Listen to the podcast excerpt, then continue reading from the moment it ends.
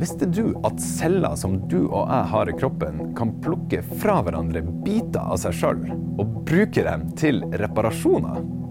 Dette er en ekstremt forenkla forklaring på autofagi, som det skal handle om i dag.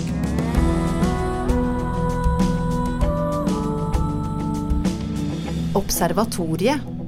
En forskningspodkast fra UiT Norges arktiske universitet.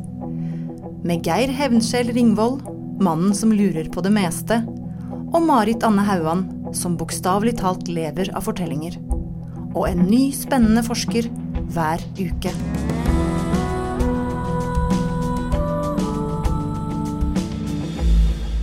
Hva Marit, er ditt forhold eh, til autofagi, eller hva var det før vi begynte å forberede oss til denne innspillinga her? Altså, for meg var det bare et uh, spennende ord. Auto, automatisk, fagi. Hva kan det være? Kan fakir? Hva er det her for noe? Jeg visste ingenting om det. Nei, det er, det er ikke så veldig rart. For jeg tror ikke det sto så mye om autofagi i skolebøkene da du uh, tok din uh, barneskole. Fordi det er et relativt nytt begrep.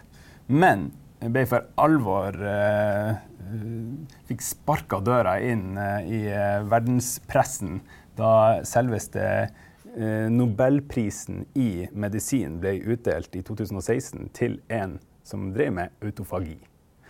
Og vi har en, en, ekspert her i Tromsø. Vi har flere eksperter, men vi har invitert deg, Steingrim Svenning. Velkommen til oss. Du er førsteamanuensis ved Institutt, Institutt, for medisinsk biologi her i Tromsø. Og er, er du autofag? Er det Hva, hva er tittelen? Det har jeg ikke tenkt på. Men det er. Ja.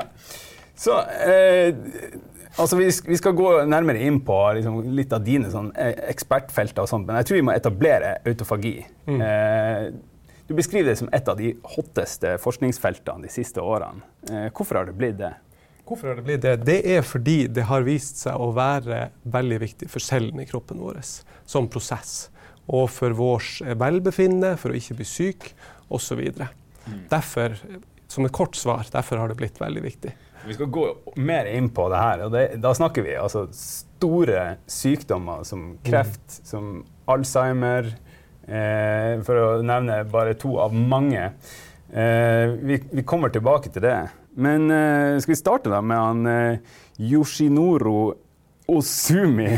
Yoshimori Osumi. Ja. Vi holder oss til etternavnet. Osumi. Osumi. Ja. Eh, hva skjedde med han, egentlig? Hvorfor fikk han nobelprisen i medisin? Det er en veldig veldig høythengende eh, tittel. Ja, Han fikk den eh, alene, eh, hvilket ikke er så veldig vanlig lenger. Man får den jo ofte delt med andre. Så det var jo eh, andre som kanskje gjerne skulle ønske at de var med på prisen. Det var flere som var aktive på 90-tallet når han var aktiv.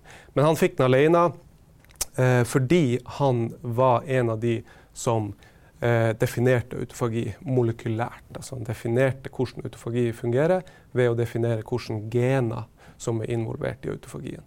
Så fram til han kom med sin første publikasjon i 1989, så hadde man en forståelse av autofagi. Man, hadde, eh, man visste hva celler var. Man visste at inni celler så er det masse små enheter som gjør forskjellige ting. Blant, eh, blant dem så finner vi lysosomene, som er da liksom søppelhaugen hvor ting eh, brytes ned. Det kommer vi vel kanskje mer inn på. Mm. Eh, og så kommer han, og ved hjelp av genetikk, som var et nytt verktøy som ble utvikla på 70-, 80-, 90-tallet, så kunne han plukke ut enkle gener som blir translatert til proteiner, eh, og si at dette genet er essensielt for prosessen autofagi. Og Det la liksom grunnlaget for hele den moderne forståelsen av autofagi som vi har jobba med de siste 20-25 årene. Kan jeg spørre da, Er det sånn at metodisk altså Det, det kommer nye mm. metoder som ja. gjør at man, man, kommer inn i nye felt og får, får nye forståelser? Er det DNA og den typen ting som bringer oss videre inn i ja, dette feltet? Klart, helt klart. Mm. Så tradisjonell biokjemi, som var måten man brukte for, å, for å forske på celler på, var veldig sterk fram til han kom, altså på 60-, 70-, 80-tallet. Eh, oppdagelsen av DNA var jo først da i 1954, eh, og genetikken kom på, eh, før 2000-tallet. Og så nå er vi over i, i dataens tidsalder, så nå står vi overfor en ny slags overgang i måten vi bedriver forskning på. Vi skal snakke litt mer om det også, men eh, bare for å, å, å, ta to skritt tilbake her nå, så er det, det er snakk om det indre livet inni hver enkelt celle. Mm. For der er det som en, eh, kan si det, en liten landsby. Mm. Og vi konsentrerer oss nå om eh, renovasjonsetaten. Nå konsentrerer vi oss kun om Remix. vi holder oss på Remix. Som er renovasjonsetaten i Tromsø, for ja. dem som hører på eventuelt utenfor. Men eh, eh, det her har vi ikke visst så mye om før. Stemmer det? Eh, ja, det er en sannhet med modifikasjoner, men vi vet mer og mer, så det er jo en flytende prosess, kan man vel si. Men eh, vi vet mye nå, og de siste 20 årene har vært en, en eksplosjon i kunnskap om autofagi. Før så trodde man at eh, kroppen, altså celler sitt søppelsystem var at Litt sånn som i dag, vi hiver det på dynga, og så uh, graver det ned og ja. krysser fingrene for at uh, ikke det skal komme tilbake. Oppå om 20 år, ja. eller noe sånt.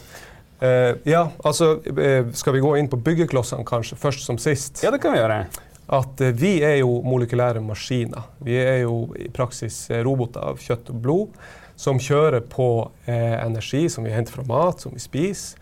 Eh, og vi er bygd opp av, av enkle byggeklosser som er, går inn i fire hovedklasser. Det er proteiner, det er fett, det er sukker, og det er nukleinsyre som brukes i DNA og RNA. Og de her eh, enkle byggeklossene, hvis vi sammenligner dem med legoklosser, de kan bygges opp til å bli større strukturer, som er det som gjør at vi står her og prater i dag. Eh, og de byggeklossene kan også, altså de store enhetene kan også brytes ned til byggeklossene igjen, sånn at de kan brukes på nytt. Så det blir litt som at du har bygd en stor legobåt, og så tar du en hammer og knuser den eh, sund igjen for å bygge noe nytt igjen. Ja. Enten en ny båt eller noe annet. Et fort. Et fort, f.eks. og det der har faktisk cellene evnen til å gjøre. Og, og, ikke bare hvis du har for lyst til å bygge en uh, racerbåt om til ei sjørøverskute. Det trenger jo å, å være så stor, uh, store endringer heller. At man kan ta en kloss herifra og en kloss derifra, mm. det er litt sånn jeg har forstått at uh, autofagi er. Ja, Autofagi er den prosessen som kan degradere eller bryte ned alle de biologiske molekylene i celler. Det finnes andre prosesser også som er mer spesialisert mot f.eks. bare proteiner. Autofagi er den prosessen som kan ta de store biologiske molekylene inn i cella, bryte dem ned sånn at man får sluppet fri. Enten man skal bruke dem til å bygge opp nye ting, eller man skal bruke dem til metabolismen, altså til energi. Men dere bruker jo også begrepet selvspising. Ja. om autofagi. Og Selvspising er jo sånn sett litt misvisende, kanskje, men det kommer jo av at stort sett alt er gammel gresk, og autofagi betyr da auto for selv og fagi for å spise. Mm. Så det er celler som spiser av seg sjøl i praksis. Og lysosomet kommer vel da av lysosomet, altså selve søppelplassen, kommer vel av lyso, som betyr å ødelegge, og zoom, som betyr kropp, eller stedet hvor ting ødelegges.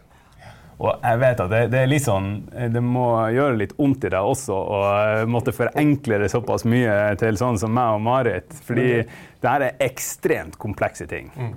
Så eh, da får eventuelle lyttere som eh, besitter mye større grunnkunnskap enn jeg og Marit gjør, om å bare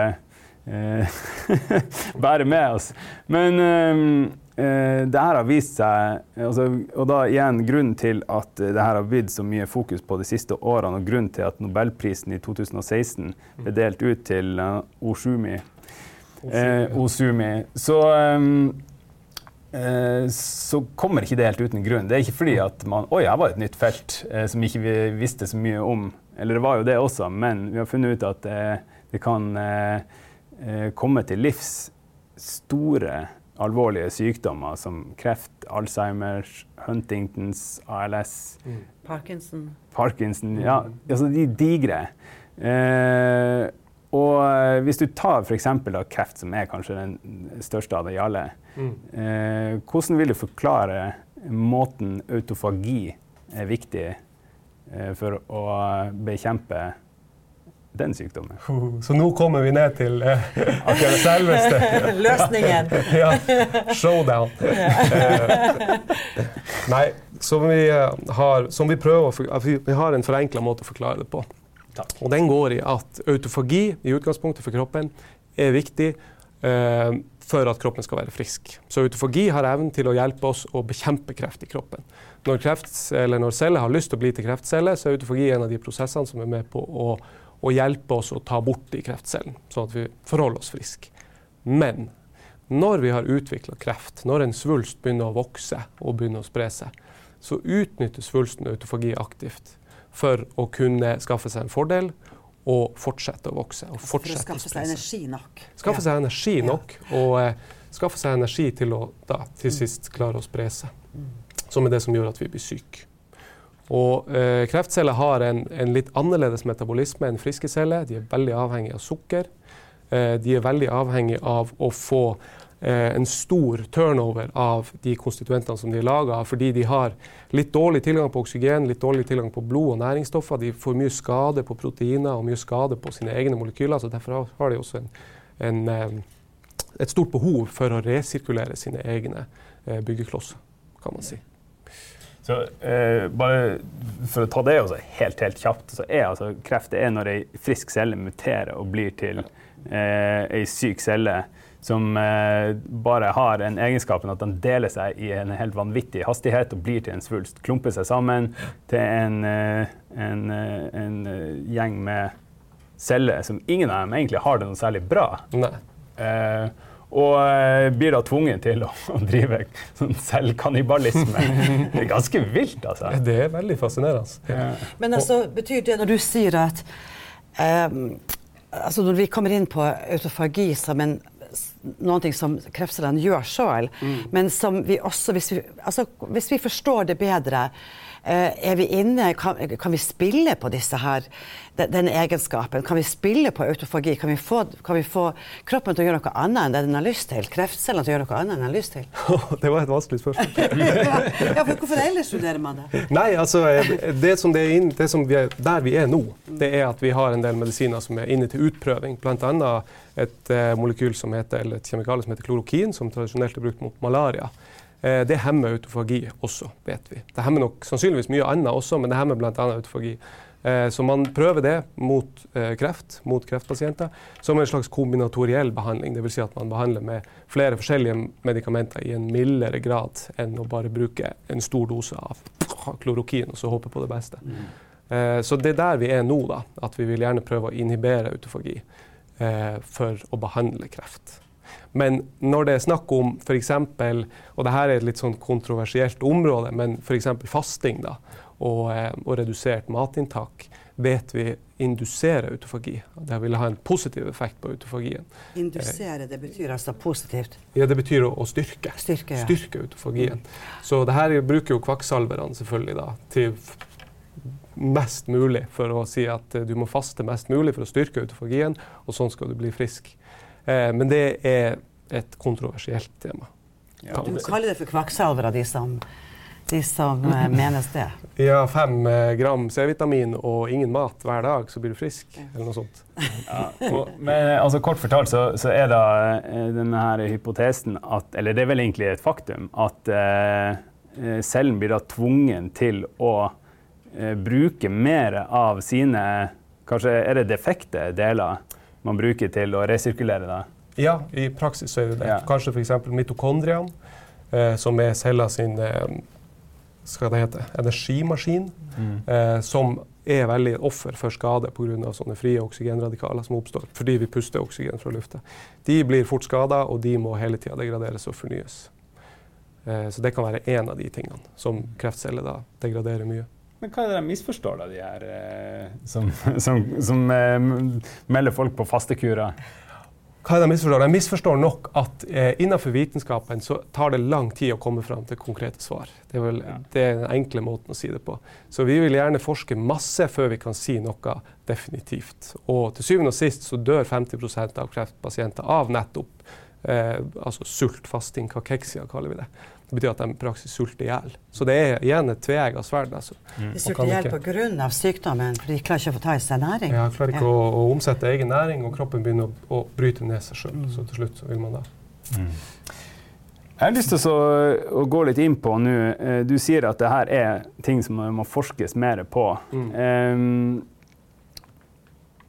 og hvordan er det egentlig å drive med forskning på et eh, for mange ganske smalt tema? Mm. Altså, eh, du sa til meg i forberedelsene her at du er Eller jeg, jeg forsto det sånn, du, du er såpass beskjeden at du sa det ikke sjøl, men jeg sier det. Du er blant verdens beste i et protein som heter NBR1. Mm. Og det sier meg ikke så mye. Men det, skjønner det er viktig innenfor autofagien, eller det kan vise seg å ha stor betydning Um,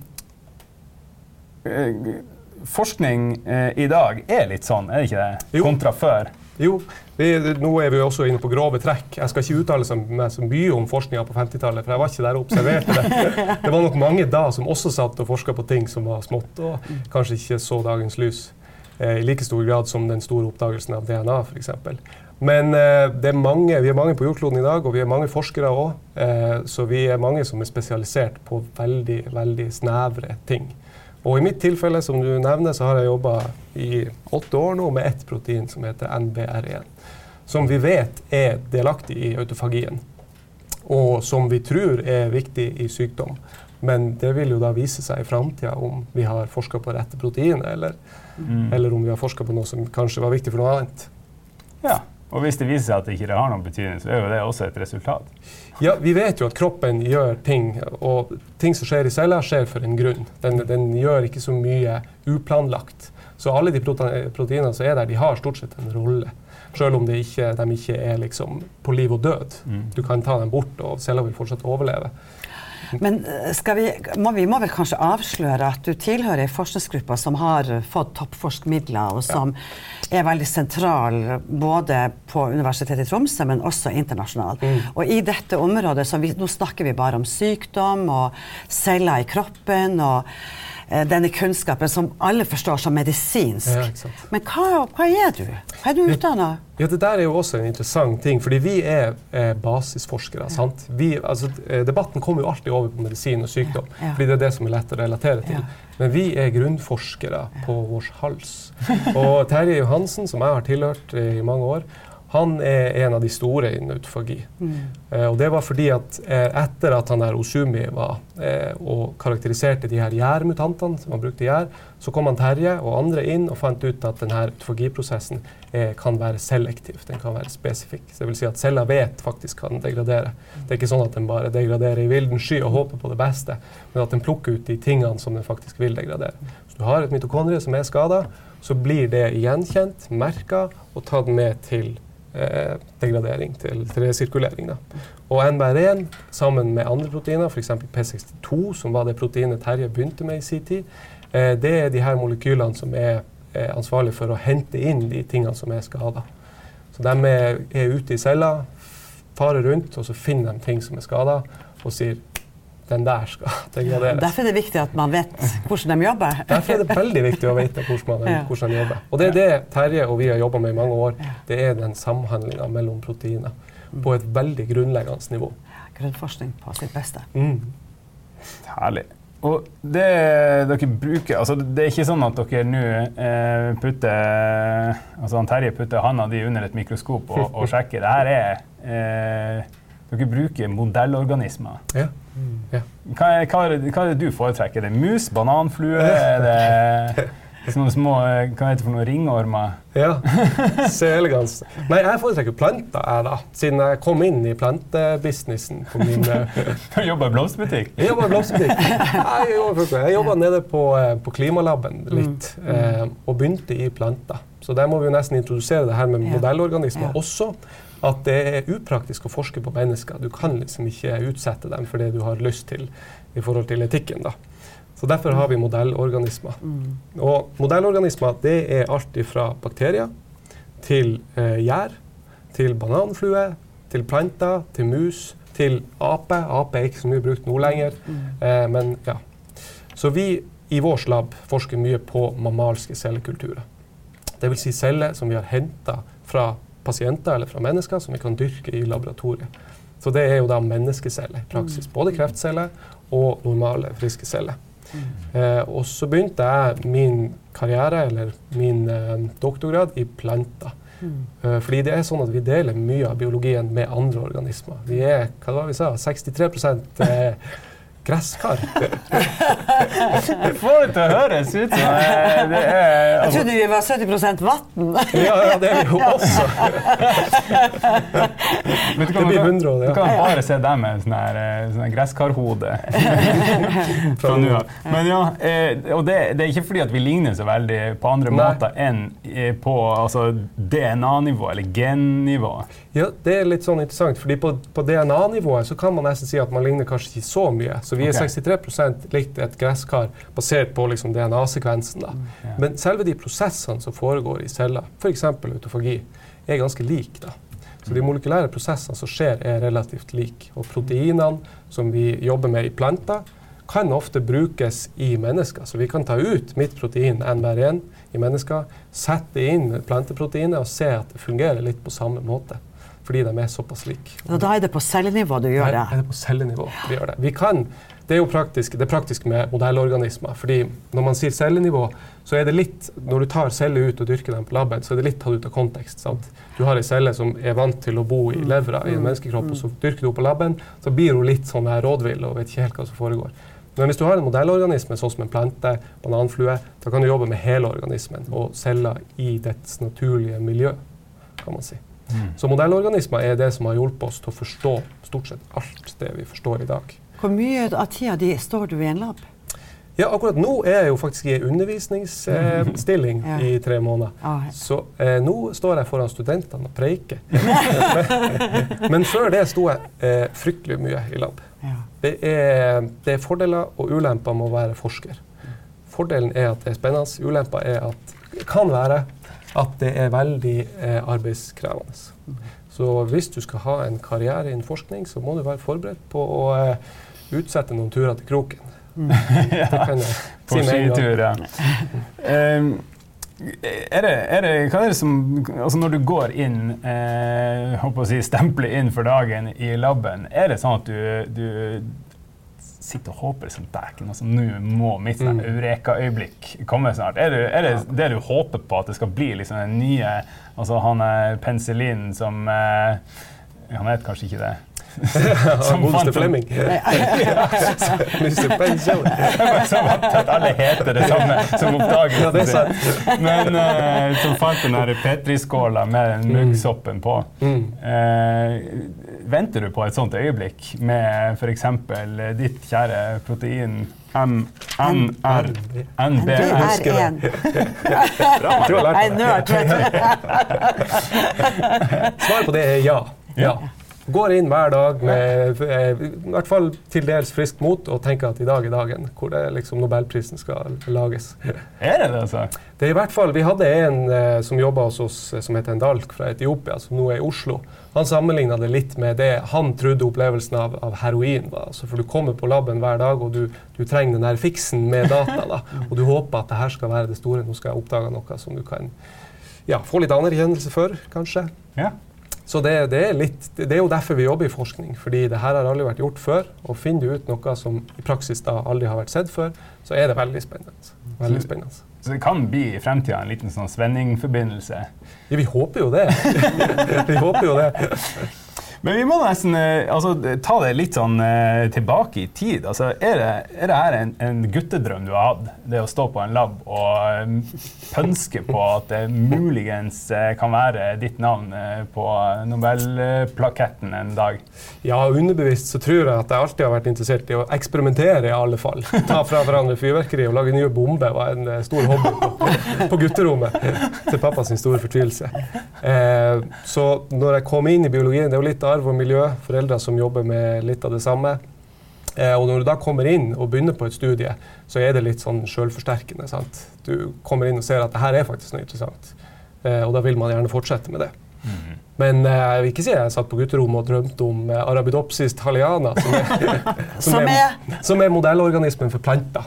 Det er det man bruker når man forsker på Si det en gang til. Det var et kjempefint ord. Eh, Arabidopsis thaliana. Hørte du? Vår, vår skrinneblom, for oss som ja, liker Hvordan ser den ut? Er det, har den noen form? Den er liten og nondescript, som man sier på fagspråk. Okay. Den er liten med en hvit blomst, og den vokser så langt nord som til Harstad.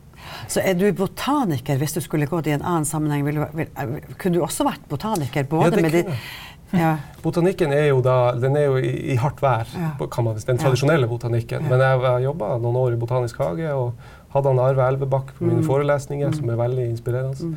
Så eh, jeg har en, fot i, en, en drømmefot i planteverden fortsatt, helt klart. Og det er jo det som er så fantastisk, det er jo at den kompetansen som, som du får fra, dy, fra plantelivet, Mm. er anvendelig på oss mennesker. For våre utfordringer er jo større enn oss sjøl. Ja. Altså, jeg Som feminist så er jeg helt programforpliktet til å spørre deg, Stengrim, er autofagi det samme uansett hva slags kjønn vi snakker om? Oh, det var Eller... så bra du spurte om det. Der har, vi, der har vi et tema vi må prate om. Eller nevne, i alle fall. Ja. Eh, når sædceller møter egget under befruktninga, så har den med seg sine egne mitokondrier for å klare å svømme. Den lager jo energi, og egget har sine mitokondrier. Eh, så kommer, egg, kommer sædceller og eh, kommer inn i egget. Og da sier hun mor, altså egget, eh, at 'jeg vil ikke ha dine mitokondrier'. Så da bruker egget sin autofagi til å eh, bryte ned de mitokondriene som kommer fra far. Så alle mitokondrier som vi har, de har vi arva fra vår mor. Så det kan man ta med seg. All vår energi får ja, vi, vi, vi, vi beherser med allerede før fødselen.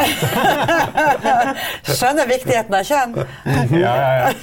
Kjønnskvoteringa står i hvert fall sterkt når det gjelder. Så, så uh, vår fars uh, mitokondria det kan ha vært en, blitt til en byggestein for noe annet som vi har trengt for å vokse til. Ja. Interessant. Om 50 år. Mm. Altså, du vet, det her er jo jubileumspodkasten mm. for at uh, Universitetet i Tromsø, Norges arktiske universitet, fyller 50 år. Uh, hvis vi tenker 100-årsjubileet, mm. hva vil autofagi og uh, den, det grunnlaget Terje Johansens gruppe og du har gjort her i Tromsø, ha å si for å ha av betydning? Ja. Godt spørsmål. Eh, nå må det være lov å være så edruelig og si at eh, det vet jeg ikke. Eh, fordi vi forsker på en liten bit av puslespillet som vi håper skal være med på å bidra til at dette puslespillet kan legges. Og sånn er det jo for mange. De sitter i en avkrok en eller annen plass og forsker på ett protein og håper krysser fingrene hver dag for at dette skal bli noe spennende.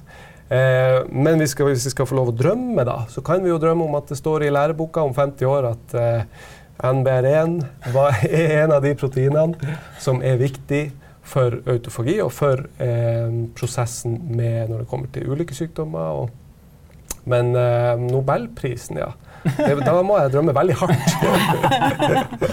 Men da uh, sier vi tusen hjertelig takk, eh, Steingrim Svenning, for at du uh, hadde lyst til å gi oss et lite sånn nybegynnerkurs i autofagi. Og så mm. syns jeg det her er et felt vi kommer Jeg syns ikke, men det, det, er et felt vi kommer til å høre enda mer om.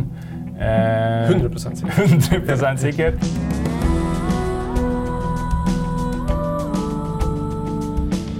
Fikk du lyst til å vite mer om han Steingrim Svenning eller andre, forskere ved UiT, Norges arktiske universitet, kan du gå inn på uit.no 50. Lik gjerne podkasten vår på Facebook under navnet Observatoriet podkast. Neste torsdag kan du lytte til en ny forsker, eller bla deg tilbake i katalogen og høre på noen gamle episoder. Uansett håper jeg vi høres.